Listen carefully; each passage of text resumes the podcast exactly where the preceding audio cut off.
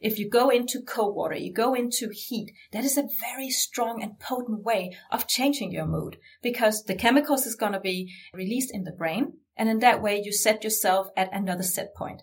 Dopamine is for motivation. So if you go into cold water, you will have a huge increase in dopamine. Just within a few minutes, you will have an increase up to 250%.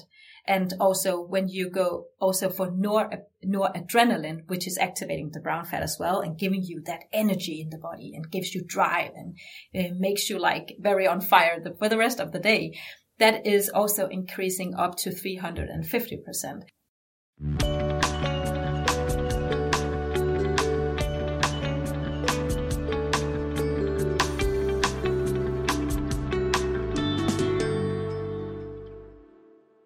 Hjertelig velkommen til podkasten 'Leger om livet'. Dagens episode blir på engelsk, og det er begrunna av at jeg intervjua en veldig dyktig dame fra Danmark, og jeg er ikke så god i dansk. Eh, og så da tenker jeg at det var best å gjøre denne på engelsk. Susanna Søberg is a leading international scientist and expert in cold and heat therapy to reduce stress and improve health, sleep, and to optimize performance. She has a PhD in metabolism and cold water exposure from the University of Copenhagen.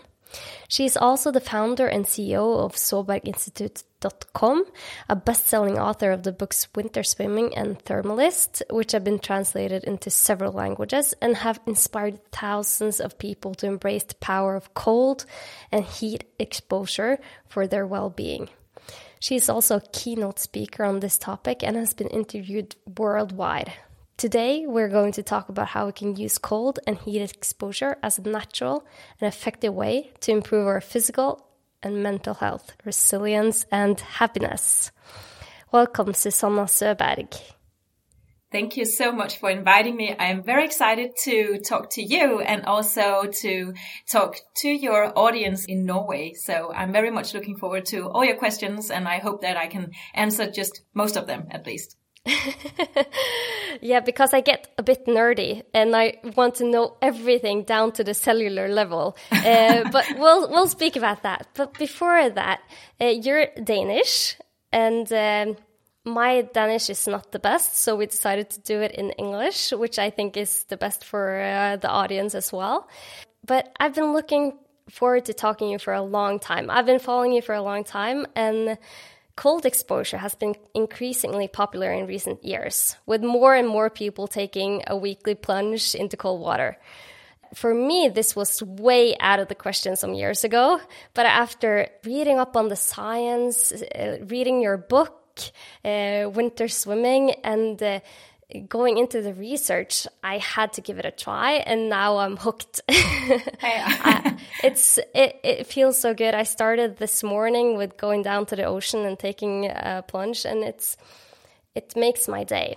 And we're going to go into the science behind this, but before we go further, can you explain to us what cold and heat exposure actually is?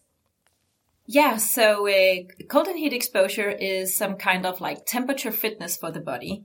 Um, it's not something that uh, people think that much about, but exposing yourself to some kind of heat, it doesn't have to be extreme heat, but some kind of heat. And also uh, cold exposure, it could be air, it could be water, but any cold uh, exposure to the skin is actually fitness for your body.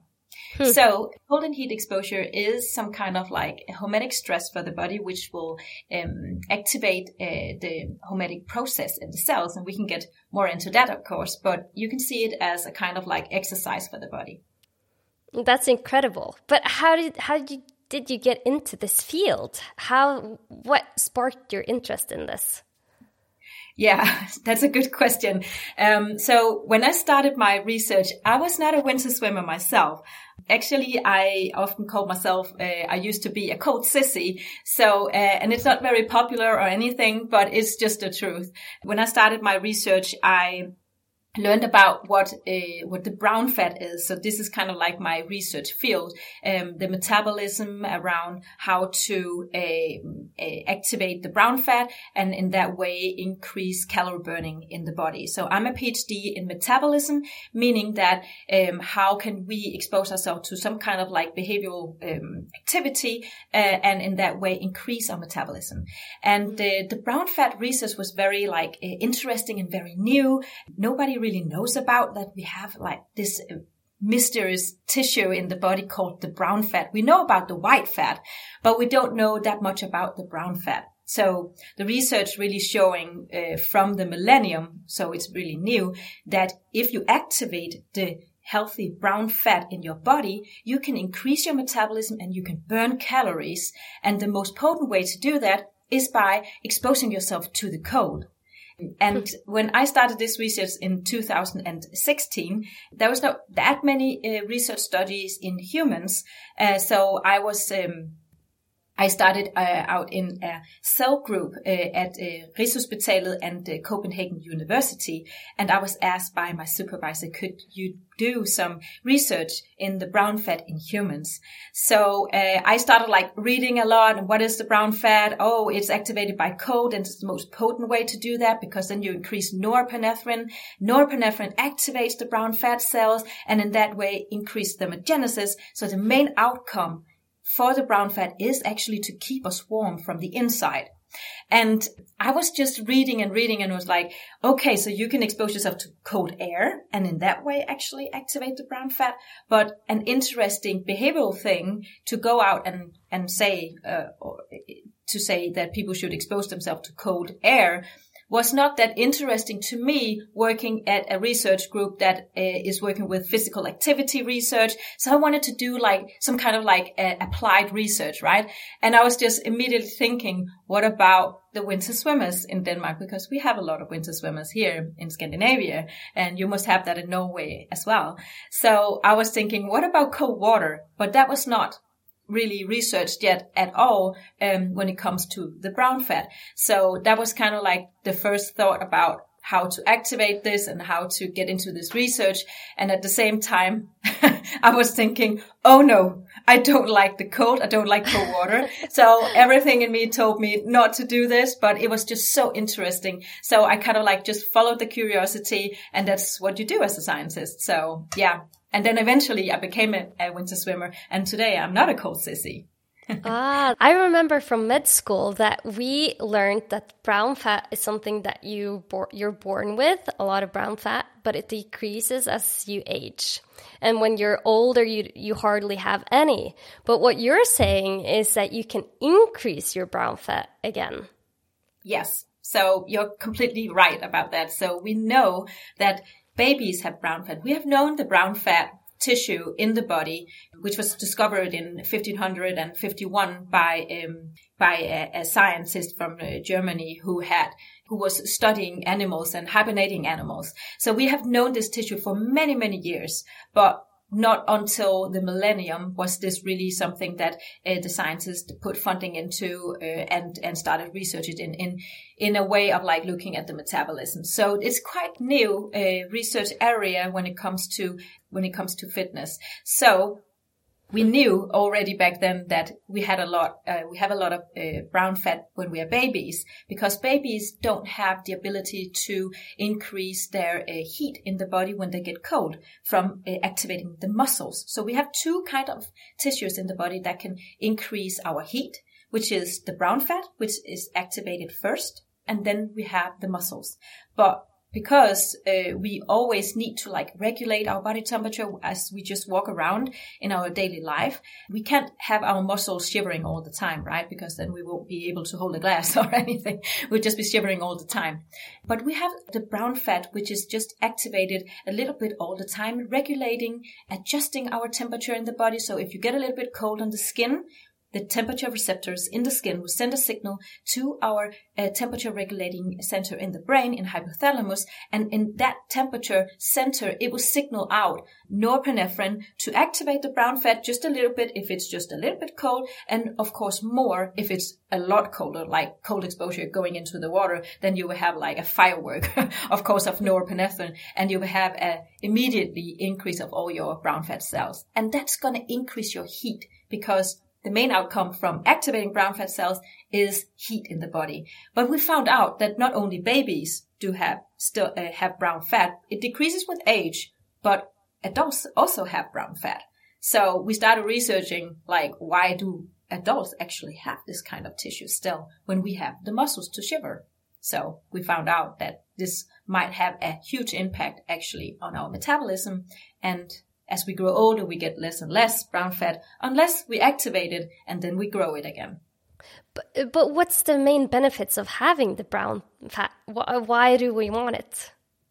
Yeah, so research from uh, around 2000 showed that if you if we activate the brown fat, uh, we can get and this study these studies are, are done in um, in obese subjects and also uh, subjects with uh, type 2 diabetes exposed them to cold air and cold cooling vests and they saw that they can increase their insulin sensitivity which is a good thing you want your insulin sensitivity to be really good in the body because when you do that you will have you will have a le- lower risk of um, developing uh, type 2 diabetes and also other um, modern lifestyle diseases it could also mm. be some mental diseases because that's also associated associated with inflammation. So yeah. by activating the brown fat, you will have an increased insulin sensitivity and better glucose balance. So this is really the huge issue that we have today in our modern lifestyle uh, society. And, and uh, we want to find out new ways to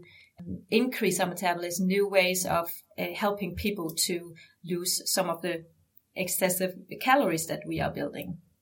So, it, what you're saying is that if we increase our brown fat, we can uh, get less insulin resistance.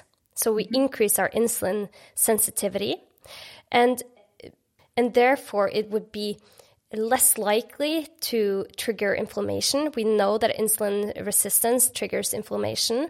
We also know that insulin resistance is uh, one of the factors that can influence a lot of our lifestyle diseases. And also, what you're saying is that by having more brown tissue, more brown fat, we can increase our metabolism. Yes. Uh, this is this is so interesting, Susanna. yeah, uh, the field that you're working on is it has exploded the last couple of years. Like five years ago, no one was talking about this. I no. even remember my mom was doing cold plunges uh, maybe 15 years ago, and she people kept telling her, "You shouldn't be doing that. That's not good for your health. I, I don't think you should do that. It doesn't sound safe." Mm. But she kept doing it, and now it's totally turned around. Now people are talking about the benefits of this. But have we been doing this only for the last uh, decade or is this something we used before? Oh, we have done we have done cold exposure and winter swimming for uh, hundreds of years. It's not something new, especially in Scandinavia, and uh, also probably you can say certain people or certain age groups know about the benefits intuitively, but it's not been until maybe now that the science has caught up really with all the, the stories that people are telling. So anecdotally, we we we do know that this is good for you and it feels good. You feel less stressed and you get a better mood, but it's not something that scientifically have been proven. So the the the, the lower inflammation is kind of like really hard to feel. So, but that is what my research area has like shown. So if you can lower your inflammation, that is also going to help on lowering your risk of depression and anxiety. And so it all really um, is working together, the mind and the body. So this holistic way of thinking about how the cold is impacting the body is something that is quite new. But we have done a cold water exposure, cold water swimming immersions for hundreds of years, but maybe just now it has really caught up with the science.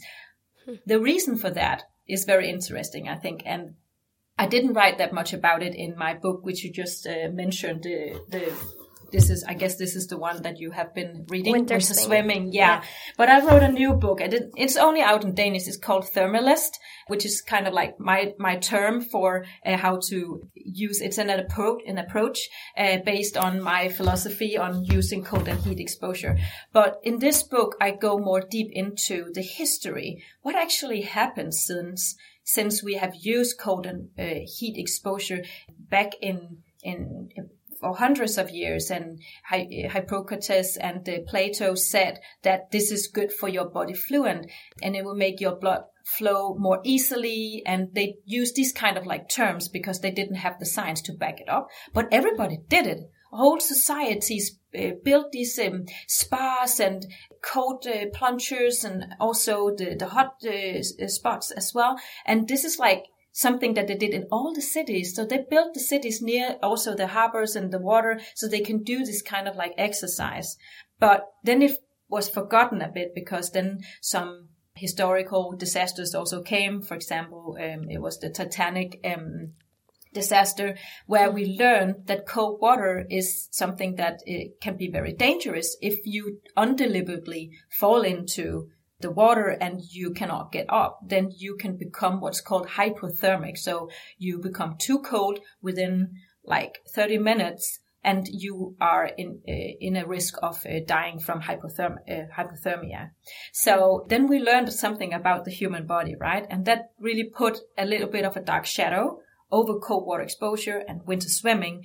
And then right after that, well, then first World War came and Second World War and the human ex- human experiments that were was performed in, in, in Germany showed, which was unhuman and it was totally a disaster. It was torture and it's not used in science. It's not something that we reference or anything, but it's just a part of history that they performed these kind of like um, experiments on uh, on um, the, in the concentration camps where they exposed subjects to cold water to see how long they could stay in there before they die, and also to see what happens afterwards. Can they heat up by themselves, or what happens?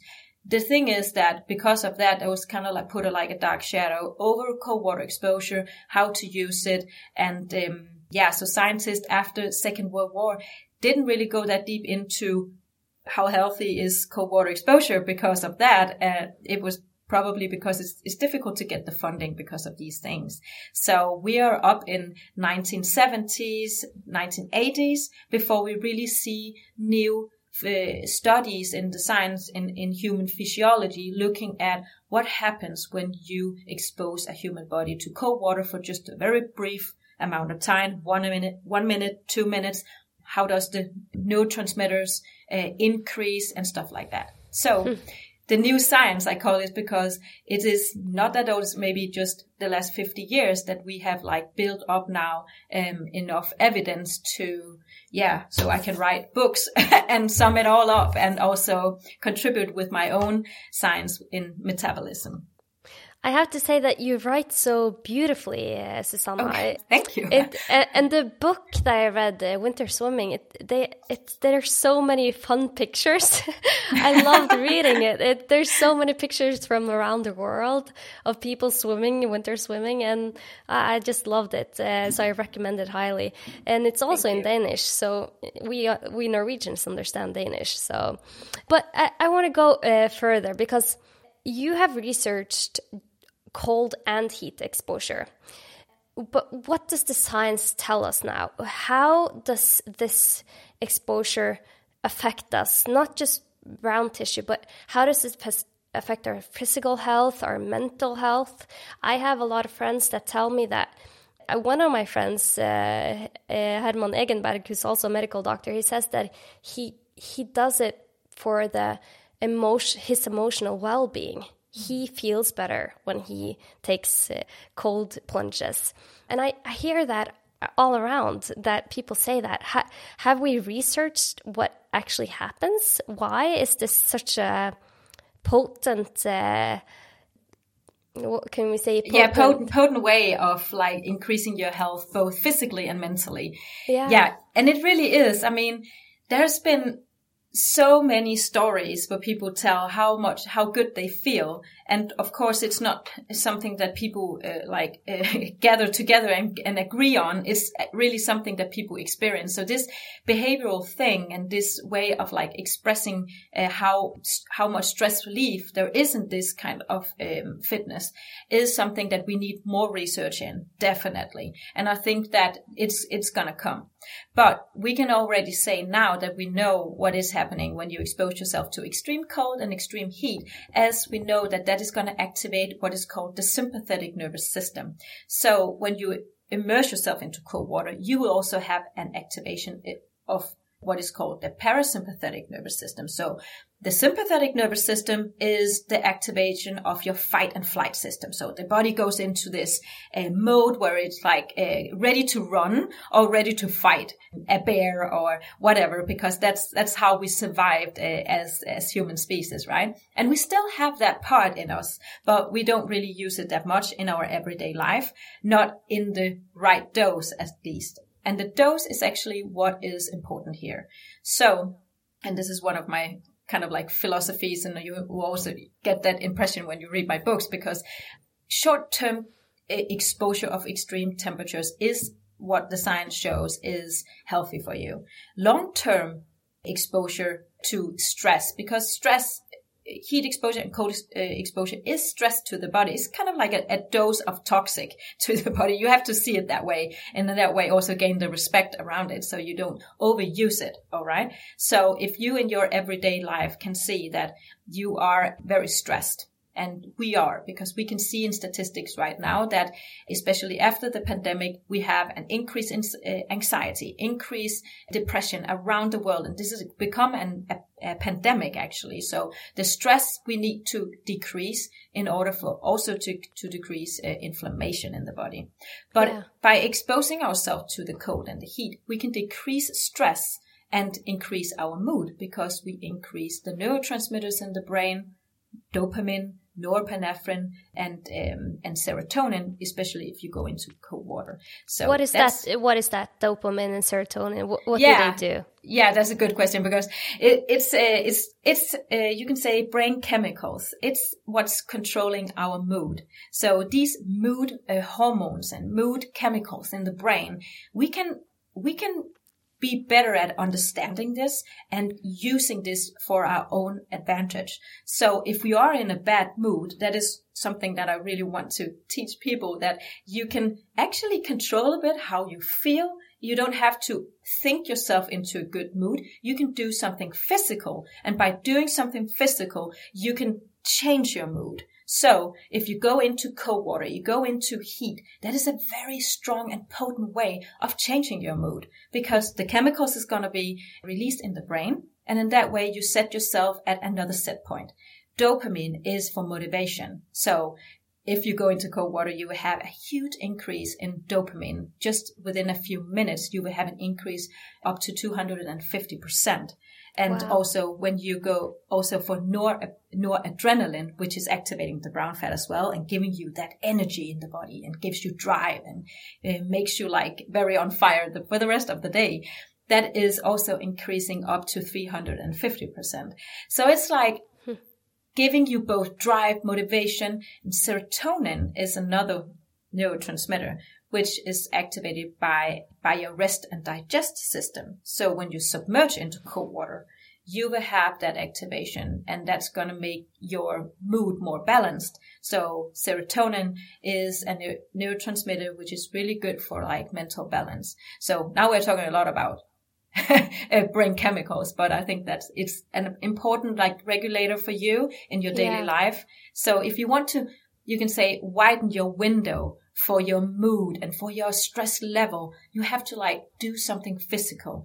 And that is where cold and heat comes into the picture because it's a very strong way to do it.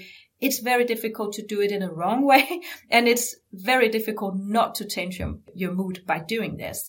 And there is research backing up that it can change your mood. It can change your anxiety level and also st- studies really confirm this. So just giving you an an example, there's a study from from the UK from from January 2023, so this year, showing from brain scans they uh, had their subjects going into cold water. They measured the, the brain and, and uh, the activation of the brain centers before going into cold water and then after as well. And gave them a questionnaire of, and asking them, how do you feel? Do you feel an- anxious or do you feel in a bad mood? And, and many more questions. What they see is that the anxiety level was very much decreased afterwards and they felt in a better mood. So these mm. psychological, you can say, uh, traits are really important for also, you can say, explaining how people feel when they go into cold water and take a swim. This is this is powerful stuff, Susanna, because we know that our emotional well-being is declining all over the globe. Uh, many people are experiencing anxiety and stress and depression.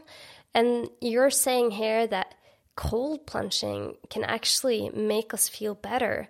And that is that's huge. I'm wondering then is this lasting? How long do you have to do it for for getting the effects uh, long lasting? Yeah. So yeah, that's one of the, one of the, my kind of like research areas. What I wanted to do in my research is actually to find out what is like the minimum dose that we can get away with. And just to get back to the fact that I was a cold sissy, it was very much uh, to my heart to figure out, well, if we want to do this, can we just do a little bit so everybody can jump on this wagon or is it something that we have to do extremely a lot? So my studies show that you can actually get away with doing just a little bit. And if you look at the research in how the body adapts to cold and also to heat, it shows that a small dose of stress, it and this could be exercise as well, but also cold exposure and heat exposure. If you expose the body to a small dose of that, it will make the cells stronger because it increases what is called heat stress proteins in the cells and that will build the cells stronger. It repair the proteins in the cells so they will live longer. And if hmm. they live longer, you live longer. So that way you can repair them. So you can build this up into three stages. And this is not my theory or science or anything. This is from Hans Selye, who was a famous scientist, published his work in Nature magazine back in 1936 where he discovered the stress, the hormetic stress uh, syndrome. So he really showed that if you expose the body to some kind of stress or the cells, the cells will have an acute reaction in the beginning. And if it survives, it will go into a process where it will build itself stronger because it, it, the body prepares itself for the next time. The next time you go into the cold water, the next time you go into the heat, you have to be stronger, right? So the, the body is uh, adapting, trying to make you survive. So it's a survival thing. But if you keep exposing yourself to a lot of stress, and that could be also acutely by going into cold or heat, but it could also be in your daily life. Then you develop what you know today as a term called chronic stress. So in phase three, the cells, if you expose it yourself too long, it will be, it will be exhausted and it will age uh, faster. Hmm. You don't want to age faster. That's why this way of living today where we have this if you expose yourself all day long to stress, it becomes chronically. And if you do that, then you exhaust the body and it will age faster. So this kind of like cold and heat exposure, exercise, but also fasting, these are all building what is called the hormetic stress, building the cells stronger, and then you get stronger. So it's a way of like longevity. It's a way of um, an anti-stress uh, cure, you can say, uh, by going into cold and heat. But what about people that are already highly stressed? Will it um, decrease their stress level even though they're so stressed and they get more stress in their life? Do you know anything about that? Yeah, well, as yeah, you know, as a doctor, if you had a patient coming in and they were super stressed and they asked you, should I just start out by doing like a lot of like exercise and, and, and going to the gym, even if they may be even sick, if they're sick, you would always recommend that having an increased activation of your sympathetic nervous system, then you, you won't you won't benefit from activating that even further. So I would say if you are at a level where you are super stressed and having maybe even high blood pressure, then I would not recommend that you start out with cold exposure, for example. I would recommend that you eh, in some way get your blood pressure regulated, either yeah, by medicine, but it should be regulated before you, you start this kind of exposure. But you should, you should definitely check that out. But if you have, if you don't have heart diseases, you don't have unregulated high blood pressure, and you don't have what is called um, angina pectoris. I don't know what's that. Uh, yeah, called. it's in yeah. Norway. Mm. Yeah, okay. So um, if you don't have that, then you should start out slowly. Always start out slowly. You can start by lowering your body halfway. And if that's too much, then go up again because your nervous system is very pressured at this time if you are very stressed. So don't overdo it and never, never compare with other people. Don't use other people as a compass. I always say hmm. it's, it's a way of doing something together with other people. It's, very normal and very common to do this in groups, but it's a kind of like a, um, an individual journey that you do together with your friends, but never a competition. So you should always feel how is my nervous system working right now and even today, because that also varies, especially for women. So it's always evaluating how stressed you are and then evaluate how much um, of stress can you take this day or in this period of your life. So, but you can definitely, if you use it in a wise way, don't overdo it in the beginning, but just build it up slowly, then I think you can reduce your stress by activating your, um, your metabolism, by mm-hmm. activating mm-hmm. also these brain chemicals that we just talked about. So you're talking about hormetic stress, which gives us stress in our daily life, but also can make us more resilient to stress. That's what you're saying. And you've also talked about cold plunge and heat exposure can increase our serotonin, our dopamine, our norepinephrine, which makes us feel better. So it has an um, it has an impact on our moods. But how about our physical body? What happens there? Have you is there any research showing that it affects our physical body, not just the brown fat, but uh, other other parts of our body? Yeah. So, um, but it's connected. That's what I'm. I have to say because yeah. you cannot take an organ out of the equation, and um, because the whole body is activated when you go into the cold, when you go into the heat. Also, actually, you will activate the brown fat when you go into the sauna. So this is really our temperature regulating organ in the body, really tight connected to the activation of our brain chemicals.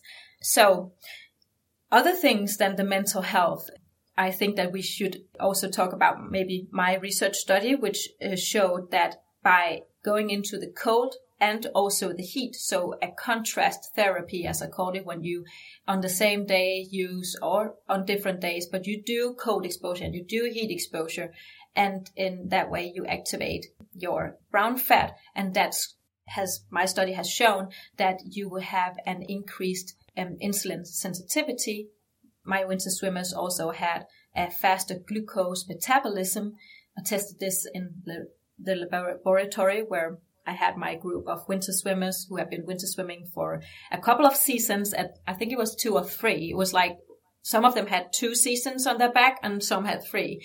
And that was compared to a control group, which were matched on fitness level, age, BMI, and, and um, also diet actually. So, and they were mm. same age. So it was like a, a very like focused, um, two groups where I measured the same thing. They had this glucose drink where I then measured insulin and glucose levels in the blood to see how fast does the body get rid of the of the sugar in the bloodstream and also how much insulin do they produce based on the same amount of sugar drink and mm. we could see that the winter swimmers had a faster metabolism of the glucose. So they got rid of the sugar faster than the control group. And they also had lower production of insulin in the body. And this was tested on multiple days. And I didn't even know that this was going to be an, an interesting outcome. It was like some of the outcomes that you just measure this and then you find out, wow, we can actually see already a difference just by looking at healthy young group of men average age of 24 years old and we could see that there was a difference already so i think that's very impactful because it shows that you have lowered the, the inflammation in in the body a marker for inflammation is also il-6 and il-10 which we mm. also measured and we could see that was also uh, lower in the winter swimmers and that is really a good thing and, and backing up, you can say, all the, all the findings from the study. So the activation of the brown fat must be the key for this because we did see that they had an increased, what's called increased thermogenesis, non-shivering thermogenesis. So that means that they had increased heat production in the body compared to the control group. So they were just warmer. So that's the thing when I say that I am not a cold sissy anymore this explains it. So if you are a cold person, you always freeze. You also run around and, and, and feel very cold. You should become a cold dipper, a cold swimmer, if you like, because that will make you physically warmer. And we measured that in my study and we did see the winter swimmers have a higher what's called heat loss because the the, you could say blood circulation in the skin is increased. And that's why you also, you lose the heat from the body. And to increase your, your body temperature and keep you warm enough, the brown fat is going to keep activating and, and increasing your heat. And that's going to burn calories in your body. So in that way, the body is like working on keeping your temperature and that is good for your metabolism. I find it so, I find it highly fascinating that this one thing cold exposure and heat exposure that can have such profound impact on our whole body that that only some minutes being exposed to for example cold plunges a week can improve our health by this much. After understanding the impact susanna do you do you think that everyone should do it? Do you think that everyone should try this for their mental and physical health? I think that if you are healthy and you don't have heart diseases, so as I mentioned before, unregulated high blood pressure, if you don't have uh, heart diseases or you don't have angina pectoris, I think that this should be something that everybody could do. I'm not saying this is for everyone. Not all people would like the idea because we are also in a time where we we haven't talked about the health of cold and heat for for decades. So it's very diff, it's very uh, difficult for many people to accept that going into cold and heat could actually be something that is healthy for you because it's so stressful. Getting uncomfortable is not something people really want. But I think that uh, with time, just like exercise in I mean, the, the, the 60s was something new thing like and now everybody is jogging and, and I remember seeing these movie clips of people jogging in California and it was looking so fun. And people were like, Oh, there's this new trend. People are jogging and uh, jogging around and it's so healthy. And I think that this could actually be a new a new thing now, but it's going to be something that's going to be more and more accepted. And I think it's going to be mainstream eventually. So I think if you're healthy and if you're uncertain, then go to your own doctor because they know your medical history and ask them, is this healthy for me? Hmm. And I just think from a doctor's point of view, that if I can give this to my patients and it can have such profound impact on them, this can be the start of it. What I'm uh, talking a lot about in this podcast is how we can not just treat illnesses but prevent them. And this will be probably be a very important preventive method for yeah. patients. Uh, so, and, and what you're saying is that it's not for some people, but for me and you, you also say that you were a cold sissy, and I, I was certainly not the typical uh, winter swimmer. But I think that everyone should give it a try if their health says that it's okay. Yeah. because you get used to it and it's it's so interesting how quickly you adapt. Yes yes. There's actually studies showing that where they there's this research study where they have like uh, tested how fast do the body adapt to cold water. And it's it's different for the heat but let's just take the cold water. So they tested breathing rate it was. How fast does do the, the breathing rate uh, decrease by times they go into the water. So already by the third time, they could see that the hyperventilation was uh, gone and the heart rate and also the, the, the breathing rate went down. So already by, by the first time, by the second time and third time, you would physically and mentally also feel a difference when you go into the cold water. So if you go the first time and you this was this will definitely shock you out of your body and mind uh, if you if you do this uh, the first time. But don't give up. You you should like give it a chance by second and third time and see uh, the difference see the changes and feel how does this actually change uh, from the first to the third time. And mm. that is what they found and you would definitely feel that. So giving it a chance it's just like if you start uh, running for example it's going to hurt the first time, right? It's going to hurt the second time and third time probably as well. But you will feel that you get stronger and you get, and you do that for every time. So the hormetic stress process starts immediately the first time and you adapt so quickly and you will definitely feel more confident as you go. And that is also because you feel less cold pain and also the heat pain from when you go to the sauna. And that's going to increase your mood even more and more because the pain fades away. Hmm. Uh, but your research showed that you researched both cold and heat. Can you tell us how many minutes did we have to be exposed a week to get the benefits? Yeah. So back to the minimum dose. yeah. Uh, I think yeah, everyone so, wants to know this. yes, exactly. So I understand that. And um, what we found was that the winter swimmers only went to winter swim 11 minutes in total per week. So submerge into the water and 57 minutes in the sauna. But this is divided on two to three days. So not in one row, not 11 minutes in the water at the same time.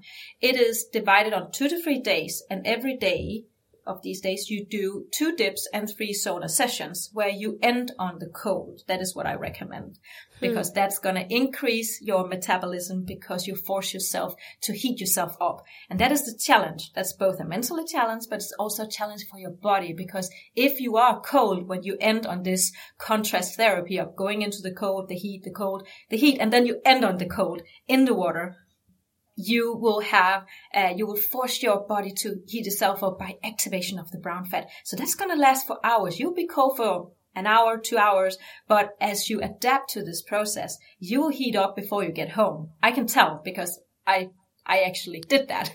Yeah. so, so uh, actually just a few minutes in the cold water and 10 to 15 minutes in the sauna is what my research shows is hmm. enough. So it doesn't have to be extreme. And I'm very happy that it turned out this way because the extreme heat and the extreme cold would not fit if it was actually healthy because it doesn't fit with the with the theory going all the way back to Hans Selye and the hormetic uh, stress process. And the extreme is not going to build ourselves uh, our cells in the body stronger it's going to exhaust them. So okay. what we found is just a few minutes in the cold water and also a few minutes in the heat and it should be enough for you so, what you're saying is you don't have to be like running a marathon every day. You don't have to go for 30 minutes every day. What you're saying is that a couple minutes a day, three times a week, will have a, a huge impact. Yes. And if you do less, you will also have benefits. It's not like you have to do exactly that, but anything is good, I think. But I don't know, after 11 minutes, after uh, 20 minutes or something in the sauna, I mean, it's definitely something showing that if you do this amount, it might be the sweet spot. So you can, you can aim for it and you can build it up. It might take a season or two seasons to build this up, but it's also good to have an aim where you know, well, it's good if you just stay within this range and don't overdo it. It's, it's, it's easier to overdo it, I think, than it is to underdo it. So anything up to that, I think 11 minutes and 57 minutes, you should be good. But what if we don't have um, saunas available, but most people in Norway at least have uh, cold water yeah. uh, availability Fantastic. here. Uh, uh, so if you're only doing cold plunges or cold showers, how many minutes a week do you need then? Is it still 11 minutes? Uh, yeah, I would keep to that is my suggestion. But my study is in contrast therapy. So if I have to be very nerdy around that, I would have to say we would need to do another study and see if, um, how we can like uh, separate the cold from the heat in, in this. But my study was like a concept study where we just had to start out just you, you can say um, testing the hypothesis around activation of the brown fat, increasing that, increase the thermogenesis, increasing the mitochondria in the cells, which will probably also happen in your muscles when you do cold and heat exposure. But what we found here is the minimum dose probably, but you can definitely say that if you just separate these two protocols saying you don't have a sauna, you also get benefits out of it. I can't say that it's exactly the same as if you added the sauna. I think you are taking a huge component out of that equation, of course. So if you can do heat exposure in another way, I mean, hot tubs, if you have a bathtub at home, you can also do a, a plunge in your hot tub. Yeah. So, but but what about um because when I go and take cold plunges, it's I live uh, nearby the ocean, so when I get back after ten minutes, I take hot shower. You recommend that I shouldn't do that, that I yeah. should heat myself up before I uh, take a shower. Yes, yes. I. Uh, I recommend that, and uh, it's now called, uh, it's named the Søberg Principle uh, yeah. by uh, Andrew Huberman, who is a professor at Stanford University. We had a talk, uh, I think it's about one and a half years ago now, um, where he asked me how we should do this kind of activity and uh, ending on the cold will activate your metabolism even further and it's not dangerous you might shiver which is not is is also a healthy thing because you are activating your your muscles in that period of time. But what I say is that keep yourself active afterwards. Don't go home and sit down on the couch with a blanket because then your body uh, temperature, your core temperature is going to drop too much. Uh, mm. Not too much, but just enough for you to sit there and shiver and might not be on be comfortable for you, but keep moving because it's also exercise. And in that way, you increase your heat, your own heat in your body. So in that way, you are regulating your own temperature by taking a hot shower, which you just mentioned will actually do the opposite. So if you take a hot shower, it's not going to make you that much warmer because the center in your brain, which regulate our temperature, is going to get the signal from the skin, oh, now you are getting hot.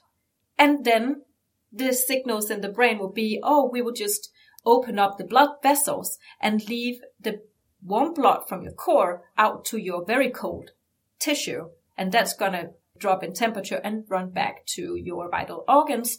And that will send a signal then to the brain. Oh, wow. Now it's getting really cold. So you will have what's called an after drop. You will have that anyways, but it would just be even more profound if you do a hot shower right after. So yeah. I recommend wait a bit. I mean, an hour after two hours, just wait with the, with the hot shower and it's more healthy for you as well. That's very interesting. Okay, so I will start doing that then. I'm a bit bummed about that, Susanna, but I, am listening to the leading scientist on this. Uh, so, uh, and, and, that's it's a uh, challenge. yeah, it is. But uh, if you can do it, I will manage to do it. You have told me that you're also you also have been a cold sissy, so yeah. I have some more questions. My friend Torkil Faro, he's researching HRV, heart rate variability, and told me that when he's swimming in the cold, it increases he, his heart rate variability for many hours after being in the cold. So it triggers the parasympathetic mode. I don't understand the I don't understand how cold exposure can both increase your sympathetic mode and your parasympathetic do we know how this works? Yeah, so it's a really good question, and uh, it's true that it actually it it uh, increases the heart rate uh, variability, but it's and that's a good thing. It's it's healthy for you. It's because when you go, submerge into cold water, this doesn't. It's not the same in the sauna because this this is by activation, by submerging yourself into water, but it could also be warm water. But by cold water, you will have a more potent activation and more immediately activation of your autonomic nervous system. So when you submerge into cold water, you will activate the sympathetic nervous system. That is your fight and flight system. But because of the diving response, when you submerge into the water, you will, the body is like, and the vagus nerve activation also if you get, especially if you get water to the face, right? So that's going to activate your parasympathetic nervous system. So the diving reflex will be activated and that's going to lower your heart rate in, in hmm on the other hand. So this, by submerging into water, will actually lower your heart rate and it will lower your blood pressure. And if you are adapted to the cold water, you can probably recognize when I say that your heart rate and your feeling of like stress in the body when you can sit in the cold water until the cold shock response has subsided, then you feel even more calm than when you, before you went into the water. So you can almost feel completely still. And it's very fascinating that you can sit there. It should be very stressful, but you yeah. can see that this person in the water is very calm and very still because they have built up adaptation enough to stay in the water beyond the, the cold shock, which lasts for maybe the first minute, for some one and a half minute, but if you can stay that long and you can build up to that and you can breathe yourself through the cold shock, then you'll be able to activate also the parasympathetic nervous system and have your, your um, lowering of the heart rate and you will feel so calm actually. And if you, if you look at my uh, Instagram, you can see also that I'm in ice cold water and there's ice around me, but I am completely calm and I still think that when I see my own pictures, I'm like, this is insane. I don't understand that this is me. Because before I became a winter swimmer, I wore socks all the time and uh, very thick sweaters and I was very cold. And just like many other people, I was thinking that cold and heat uh, temperature differences was not something that I should get myself into. I should just mm. be temperature neutral all the time. But this is actually what's narrowing our stress threshold. So by going into cold and heat, that's going to increase our stress threshold so we can take more stress in our life. So mm. it has really had a huge impact on my life, but also I think for many others. But uh, yeah, just back to the heart rate uh, variability, I think that um, it it makes sense that activation of both uh, side branches of the autonomic nervous system happens when you submerge into cold water, and that's why you can you can get so still afterwards. I feel that effect as well. It's uh, it's uh, it's meditation for me being mm. in cold water. But you say that it's had effect on you. How how has cold uh, water immersion had an effect on your well-being? Uh, on my well-being. So what I always say is that if you feel, you will feel better no matter what. I think you will always feel de-stressed afterwards, and you always feel uh, an increase in mood when you have been into cold water and you have been to the sauna. Either way or together, I, I feel definitely that it works for me. But it is really good in good times, but I also say it's even better in bad times. So the more depressed or the more anxious, the more stressed, yeah, to a certain level that you feel, and then using cold, you will feel the stress relief afterwards. So if you are a person who is depressed, for example, you will probably feel more profound effect on the mental side when you use cold and heat exposure. Mm. So I really think this also depends on your whys. Why are you doing this? You could be doing this approach, which I call the thermalist approach. You can call, you can use this uh, for different reasons. So for mental health, for physical health, as recovery also if you do competitions and uh, sports, for example. So you can use this for many different reasons. So people will have different effects depending on their whys. Hmm.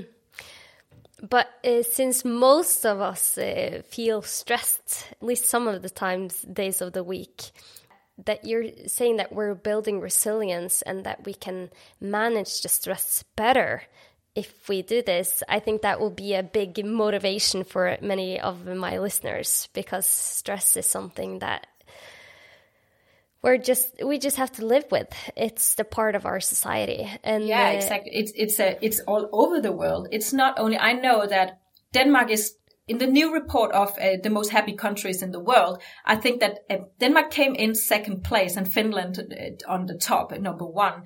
And I think that even though that we are such happy countries, we're still stressed. This is mm. like affecting all of us. Um, mm. And some countries are more affected uh, than others. And I do think that this could actually be a new way of approaching it it's not it's non-invasive, right? It's not a pill that you're taking, but it's definitely working on your mental health, on your physical health. So why not try? I mean, it's not like there is any side effects if you do it with precautions and if you take your precautions and you do it in a safe and uh, and beneficial way. So by microdosing it, as I as I call it. So yeah, does it help your self esteem? I have a lot of listeners that uh, are asking me how they can improve their self esteem. Have you seen any research on that or seen it in? Uh, you've interviewed a lot of people doing this. Yeah, yeah I have. and I have um, observed many people during um, my whole career in this. And I have found that it's very interesting how people get so confident going into the cold waters. It's a definitely a confident booster because when you do this, you have this huge increase in these um, um, neurotransmitters, which will give you drive and energy. And all this together will make you feel like you overcame, you overcame something huge you survived the cold, the feeling of survival that you jumped in and then you go up again and you feel, wow, I just got a completely big rush out of this and I survived at the same time. So I can do something really hard. You just taught yourself you can do really hard things. Mm. And then you can apply that to other things in your life and you will learn that hard things is something that you can overcome. And this is a really hard thing to do. So you grow your confidence and I think that is a very important component, especially also for young people, that using this as a way of like training your nervous system and training your confidence, showing yourself that you can overcome something super hard. That is also a way of using the cold and the heat. Hmm. That makes me happy, Susanna. I, I, I um, I'm excited for people to try this out. I have some more questions before we're going to hang up for today. My colleague, uh, who's a cardiologist in Tromsø, wrote me a message when she heard that you were going to be on the podcast. Uh, and I was wondering if I could just uh, ask you, I, I, can just read the, her question to you. Okay. Uh, my mother, who is 72 years old, is an enthusiastic year round ice swimmer in Hammerfest, which is really far up in the north of Norway. And I myself enjoy sea bathing in the summer in Tromsø. I find that I can endure more in life than most people, but I can't quite get started with winter bathing, even though I want to. I can't stand to be cold before and after. And the cold water is too painful. I don't like to be a wimp. Is it a genetic trait for how well one tolerates the pain of being in cold water, or is it just a psychological tolerance? Both my mother and my 11 year old daughter seem to be seems not to be in so much pain as me when we're trying to swim in the cold. Mm. Yeah. So I can't tell if I can't tell you if there's not a genetic thing uh, component to this. That might be, but I think that the, the most profound component to this is that if you don't like the cold and you're avoiding it, you are pushing yourself towards even being feeling it even more painful. So you are narrowing your your threshold for pain just in general. So if you are not exposing yourself to something uncomfortable to you, that could also be exercise actually. But if you are pushing yourself away from anything that is uncomfortable and feeling a little bit painful, you you will have a lower, uh, you, you will have a lower threshold for pain. building that up. So in your life and becoming, a, I was a coach, Sissy, and I say that because I think I'm a good example for, for many people. I think that I look like so many other people uh, when it comes to being afraid of being uncomfortable and, and feeling a lot of pain when going, when using cold or using heat. And then you push yourself away from it and that's going to make it even more painful. So to open that window and to increase that pain threshold for yourself, you have to expose yourself to it.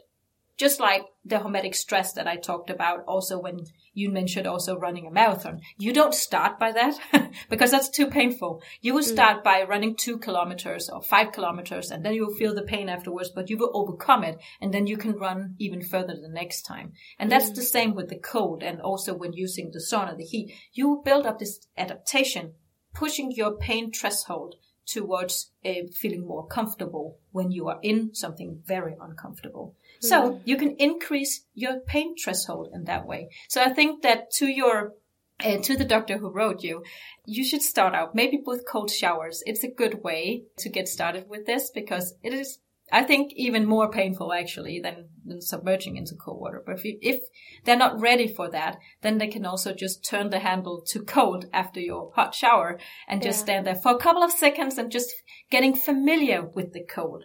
And the anxiety around the thought of it is maybe even pushing it to an even more painful uh, you can say situation that you are scared of but exposing yourself to it the first two three times is going to break that that anxiety around it and then it starts feeling less painful so you have to break it but you have to have the guts to do it so it's also building your bravery I find it interesting that you say that it can be more painful to do cold showers. I feel that way. I feel that it's much more painful to turn yeah.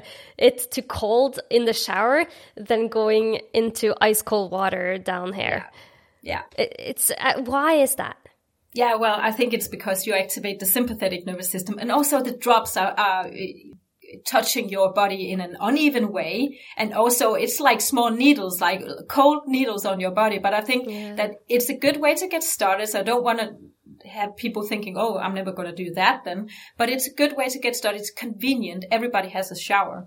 But mm.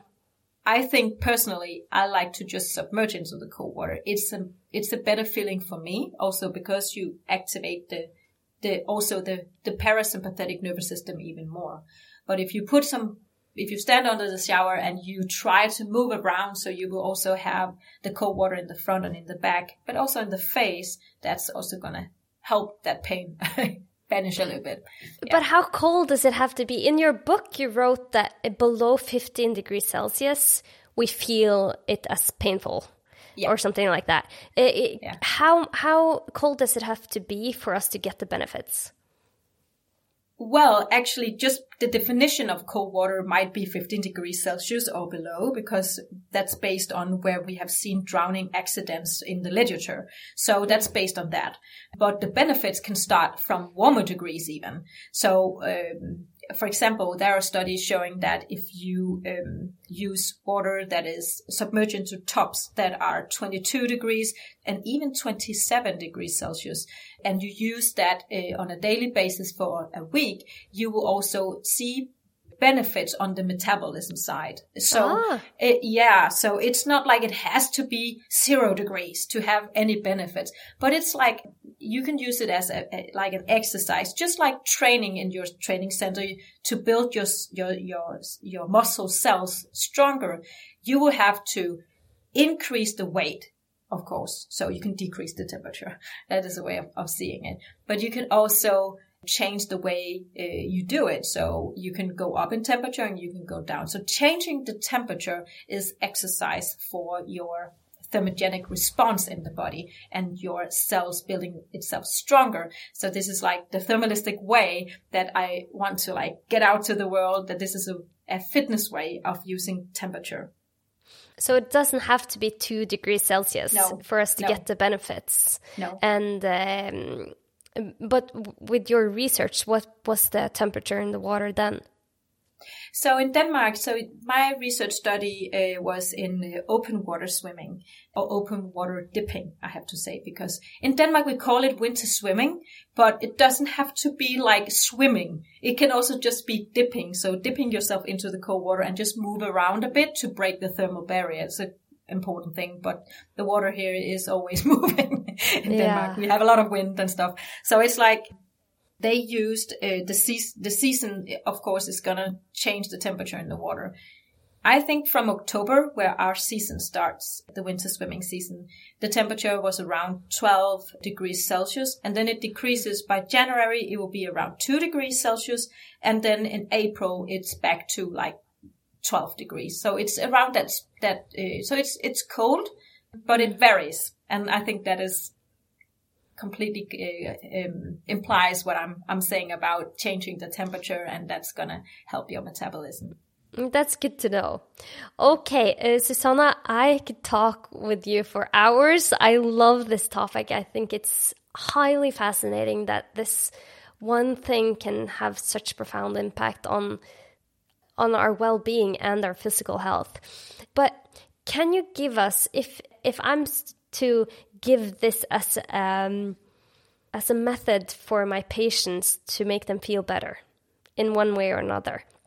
How would you recommend starting out and how many days a week? Because people they want to know exactly how to do it. Yeah, I understand that. That's actually this request that you come with is the reason why I have made um, the Soeberg Institute, which is my online school where I teach people the end user. So in layman language, I tell people the science behind, but also how to do it, because it's not something that you, I can explain everything in a, in, in an interview, but showing people how to do it also the why. So how to breathe, how to, how long time to stay in the water, but also how to use the sauna in combination with this.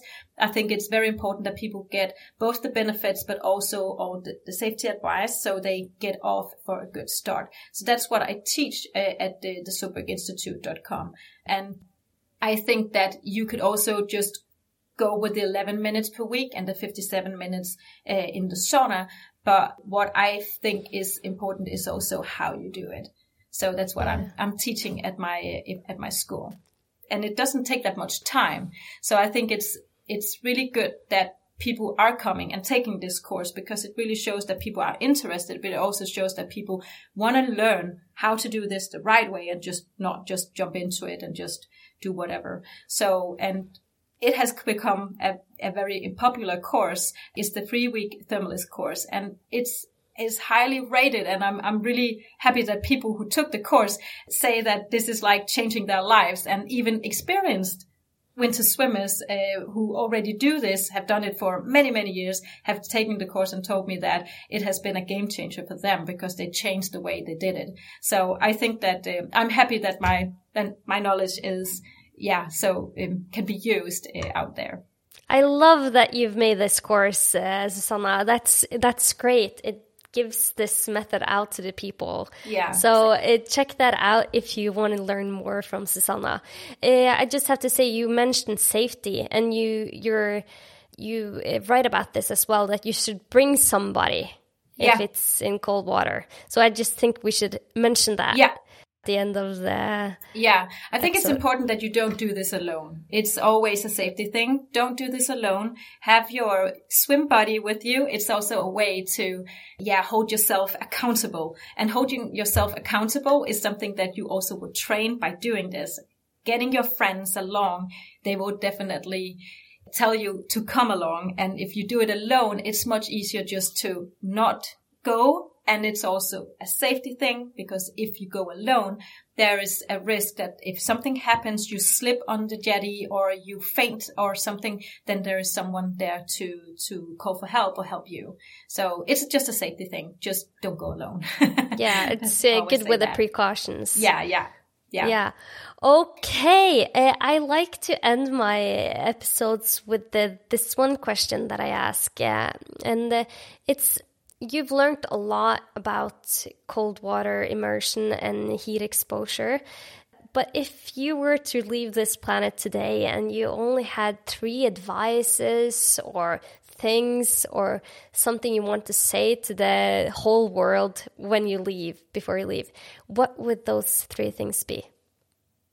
Oh, that is a good question. Yeah. So if I was supposed to give some advice for people, that would be to uh, question also the way we live today because there's an increase in depression, anxiety uh, in the world, and we have very much um, used the Western way of like using medicine for many years, and we produce more and more and more medicine, and we still don't get healthier. So, an advice for me would be to rethink how we live our lives. Do we have to take all this medicine? Maybe do can we do more to prevent getting sick? Can we do that in our society even more? Can we broaden the way that we that we live in, can we broaden uh, other ways of living than just this Western life that we have. So I think that we have to rethink the paradigm around health uh, and also around our sick care. So in, in especially, and I think that is in Norway too, if you get sick, then you get into our our uh, sick care, you can say, uh, but we yeah. don't really have any help for our prevention of, of getting sick. So I think that if we can rethink the way that we live, taking more nature into our lives, thinking about prevention, thinking about what can you do to get better in your life because you are responsible for yourself. So if we can take more responsible for ourselves and do more self-care, then we can also maybe prevent some of the diseases that we see that are increasing right now. So yeah, using I, nature more. I love that you're saying that. I love that you bring this up uh, that's uh, yeah, that's powerful, and that's uh, what I want to teach in this podcast. That we have so much we can do for ourselves that makes us feel better, live better, be healthier, and uh, most of it comes from nature. Yeah, exactly. And I think that we can, if we go into nature and accept more of our, if we accept that we can do more and we seek new ways of doing this, then we could probably do change a lot. And I think that also our, on a socio-economical level, this could be very interesting to take this kind of preventive medicine more into our lives, but also mm. getting the systems to accept it and take it more into clinics and take it into yeah, and using it as advice for people when they, for example, go to the doctor. Yeah, Actually, yeah. I think that it's it's such a good thing, and uh, and I actually want to give your audience a discount to come and do something for themselves if they want to like prevent physical and mental diseases and they want to prevent getting sick or or actually using it to getting more healthy, I would like to give your audience a discount for my course. Uh, so if you, yeah, I think that, I think it's a, it's on its place because now we're also talking about it. So I would like to give, I'll give you 10% of the three week course. We should make up a, a code for that. So maybe uh, Leah, Le- yeah, do you have a suggestion? It can be Leger om livet 10. Yeah, good idea. Okay. Leger so, om livet 10. if you type in the code Lager um leave it 10, so one zero, in the three week course, you will get 10% off and you, you are starting your healthy lifestyle. Um, and you can add that to your physical activity. You don't have to swap it or anything, but if you add it, it's even better. So and you will learn a lot about the heat as well because we didn't talk too much about that, but it's 50% of the course. So yeah.